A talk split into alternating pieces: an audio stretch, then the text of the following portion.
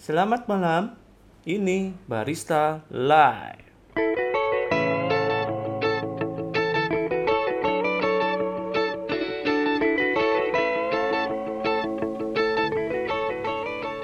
Hai hai semua, gimana nih kabarnya nih? Semoga yang lagi dengerin podcast gua sehat-sehat dan selalu excited dengerin podcast gua. Asik. Sama kayak gua nih yang selalu excited ketika gua harus ngomongin tentang kopi. Anjay. Nah, udah pada dengerin belum nih podcast gua yang episode 1 edukasi tentang kambing girang? Udah, udah, belum, belum. Ya, kalau belum, kalian harus dengerin dulu biar nyambung sama podcast kali ini di episode 2 edukasi tentang anak tiri. Loh, Bang, kok anak tiri? Yo, itu kan judulnya biar lucu aja. Sama kayak kambing girang kemarin. Sebenarnya bukan ngebahas tentang anak tiri juga. Kemarin juga kan bukan ngebahas tentang kambing girang juga kan. nah, kalian harus dengerin sih ya yang kambing girang itu. Nanti nyambung deh. Di situ kan waktu di episode kambing girang gue nyebutin tentang Arabica, Robusta, dan Liberica. Siapa mereka? Nah, ini ini gue mau jelasin di episode anak tiri ini.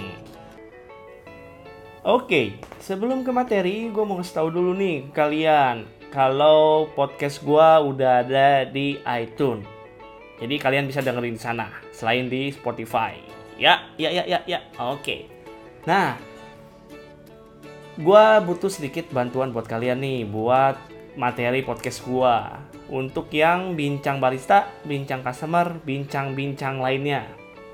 Kalau kalian punya pertanyaan bagus, boleh DM ke gua ya di Instagram gua di @paulusnugraha. Kalian bisa sekalian follow lah ya, jangan cuma DM. Nanti gua follow back. Nah, itu kalian bisa DM ke gua pertanyaan-pertanyaan yang kalian penasaran untuk ditanyakan ke si pelaku-pelaku kopinya, entah itu ke baristanya, ownernya, atau customer gitu. Jadi contoh pertanyaannya seperti ini ya. Bang, gua punya pertanyaan nih untuk bincang customer. E, contohnya kayak misalnya kalian kenapa alasan kalian ke coffee shop? Nah, seperti itu. Terus atau untuk pertanyaan untuk bincang owner. Pak, kenapa kos kopi harganya sekian. Nah, contohnya seperti itu. Atau pertanyaannya untuk baristanya.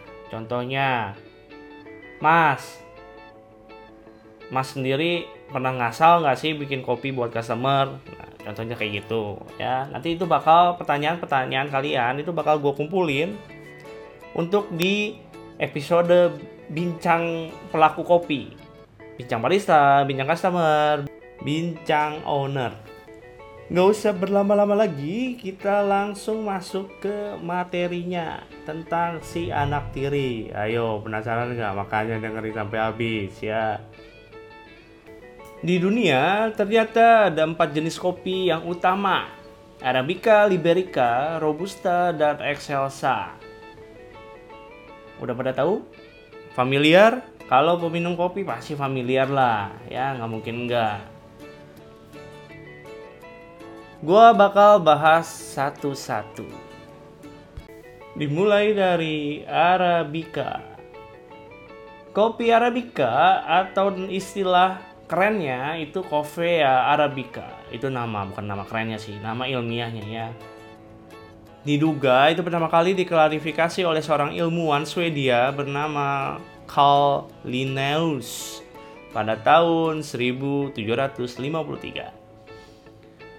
Hmm, suhu yang dimiliki oleh tumbuhan arabica ini, kopinya itu 16 sampai 20 derajat Celcius. Yang perlu diketahui, ya buat kalian semua, tumbuhan jenis arabica ini yang paling intinya adalah aspek kepekaan. Anjir, tumbuhan aja punya baperan ya dia. Dia baper terhadap penyakit karat daun atau yang lebih dikenal dengan HV. Ayo, masih ingat nggak singkatan HV apaan? Kalau bagi kalian yang dengerin podcast gue di Kambing Girang pasti tahu HV itu apaan. Hemilia vastatrix, ya itu penyakit karat daun. Nah, penyakit itu itu bakal muncul nih kalau daerah yang memiliki elevasi atau ketinggian kurang dari 700 meter di atas permukaan laut. Makanya kenapa Arabica itu ditanamnya harus lebih dari 700 meter di atas permukaan laut sampai di sekian 2000 lebih ya untuk penanaman Arabica untuk menghindari si penyakit tersebut. Faktanya nih, kopi ini berasal dari negara Ethiopia dan juga Brazil. Kedua negara tersebut menguasai 70% pasar kopi secara global pastinya. Di sana juga kalian dapat menemukan banyak jenis kopi lainnya yang berasal dari kedua negara tersebut pastinya. Indonesia juga termasuk penghasil Arabica juga ya, daerah Sumatera itu terbesar juga. Kafeinnya gimana nih kafeinnya? Kafeinnya rendah ternyata ya di bawah 1,5 persen. Kecil lah itu ya 1,5 persen. Punya asam yang cukup tinggi untuk di segi rasa. Jadi Arabica itu asam. Harga, harga, gimana harga? Untuk harga Arabica itu relatif cukup tinggi. Nah, untuk mencakup soal harga, nanti gue bakal jelasin lebih detail tetap sih tetap di episode ini Kenapa harga kopi ada yang murah dan ada yang mahal? Bahkan ada Arabica yang bisa mencapai harga 5 juta per kilo. Gila, udah seharga iPhone cuma dapat 1 kilo kopi doang. Gila ya. Tapi sabar, nanti gue jelasin semuanya. Detail. Oke. Okay.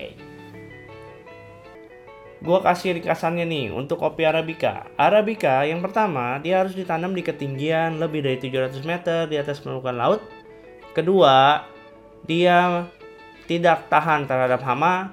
Ketiga, mempunyai kafein yang rendah di bawah 1,5%. Yang keempat, memiliki rasa yang asam. Yang kelima, dari segi bentuknya. Bentuknya itu lonjong. Kalian bisa searching di Google deh. Uh, appearance untuk si Arabica tersebut. Suara gua kalau gresek-gresek hmm, ini karena hujan sih. Akhirnya thanks God hujan Bali juga hujan Bali juga lagi. Bali hujan juga. Repotan ngomongnya. Next itu di Robusta. Robusta? Pasti udah pada denger lah semua ya kalian. Gue bisa sebut dia adalah si anak tiri. Yes ini sesuai dengan judul gue tentang si anak tiri. Ya yaitu tentang si robusta. Kenapa? Ya menurut gue sih anak tiri karena anak-anak muda zaman now nih ya pada ogah ya minum namanya kopi robusta ini. Kenapa sih? Heran gue juga. Ya udah kita bahas ya langsung si robusta ini. Robusta. Nama ilmiahnya adalah Coffea canepora. Nah, nama robusta itu diambil dari kata robust dalam istilah bahasa Inggris artinya kuat. Oh lo, kuat dia. Sesuai dengan namanya, kopi robusta itu kuat terhadap serangan HP. Dia nggak baperan kayak Arabica. Dan rasa pahit yang kuat juga. Aroma yang cukup menggelegar. Ayo, kurang apa coba robusta? Tapi, hmm, mungkin kelemahannya adalah kafeinnya juga kuat juga. Gila, serba kuat nih. Tapi satu nih yang aneh, yang nggak kuat apa? Harga. Harganya dia lemah alias murah ya. Kalau dibandingin dengan kopi arabica. Hmm, kenapa bisa begitu?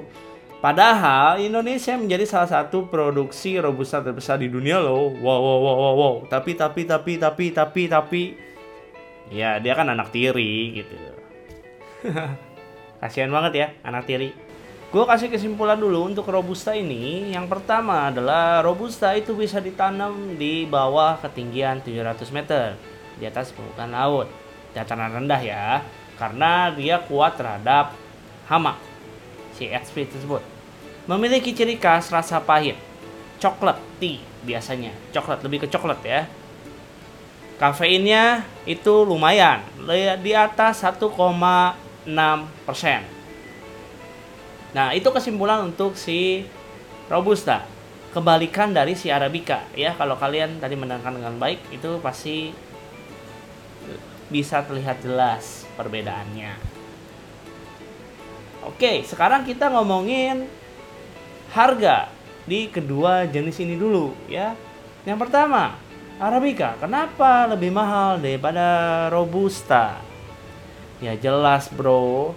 Ya, karena nanamnya aja susah. Kita harus naik gunung, cuy, kalau mau nanam. Perawatannya juga susah karena dia baperan terhadap hama. Jadi kita harus benar-benar merawat dia dengan baik. Lemah lah, ya, manja. Jadi kudu ekstra lah. Wajar harganya mahal. Sebaliknya Robusta dia itu strong, mandiri, bisa hidup sendiri, tahan terhadap penyakit, nggak baperan cuy. Itu bisa ditanamnya di bawah 700 mdpl makanya gampang untuk nanam robusta. Mungkin itu yang ngebuat robusta dianaktirikan karena dia lebih mandiri nggak manja kayak arabica. Makanya dipandang sebelah mata. Enak aja robusta dipandang sebelah mata kalau bagi kalian yang memandang robusta sebelah mata bayangan kalian kurang jauh asik robusta juga memiliki kualitas yang bagus-bagus loh serius gua nggak bohong Contohnya, kemarin gue baca artikel nih ya. Pada kontes kopi specialty di Jogja kemarin, itu Oktober kemarin, itu ada tiga kategori yang dilombakan sama mereka. Nah, si Temanggung itu ngirim dua wakil yang menyambat juara satu dan dua di kategori yang sama, yaitu kategori Robusta. Kedua wakil itu adalah Mas Mustafa asal dusun Kemleko, Desa Soberejo, Kecamatan Pringsurat. Sebagai juara pertama dengan skor akhir 90,42. Puset, itu tinggi, tinggi loh, tinggi. Serta Mas Muhammad Yusuf Fauzan asal Desa Mergowati, Kecamatan Kedu, Temanggung sebagai juara kedua dengan skor akhir 88,42. Gile ya. Tinggi banget itu untuk uh, kategori robusta. Kebetulan gue juga pernah nyobain kopi temanggungnya dan itu enak banget. Ya. Nah, bagi kalian yang menganggap kopi robusta itu jelek, pahit lah, kopi murah lah.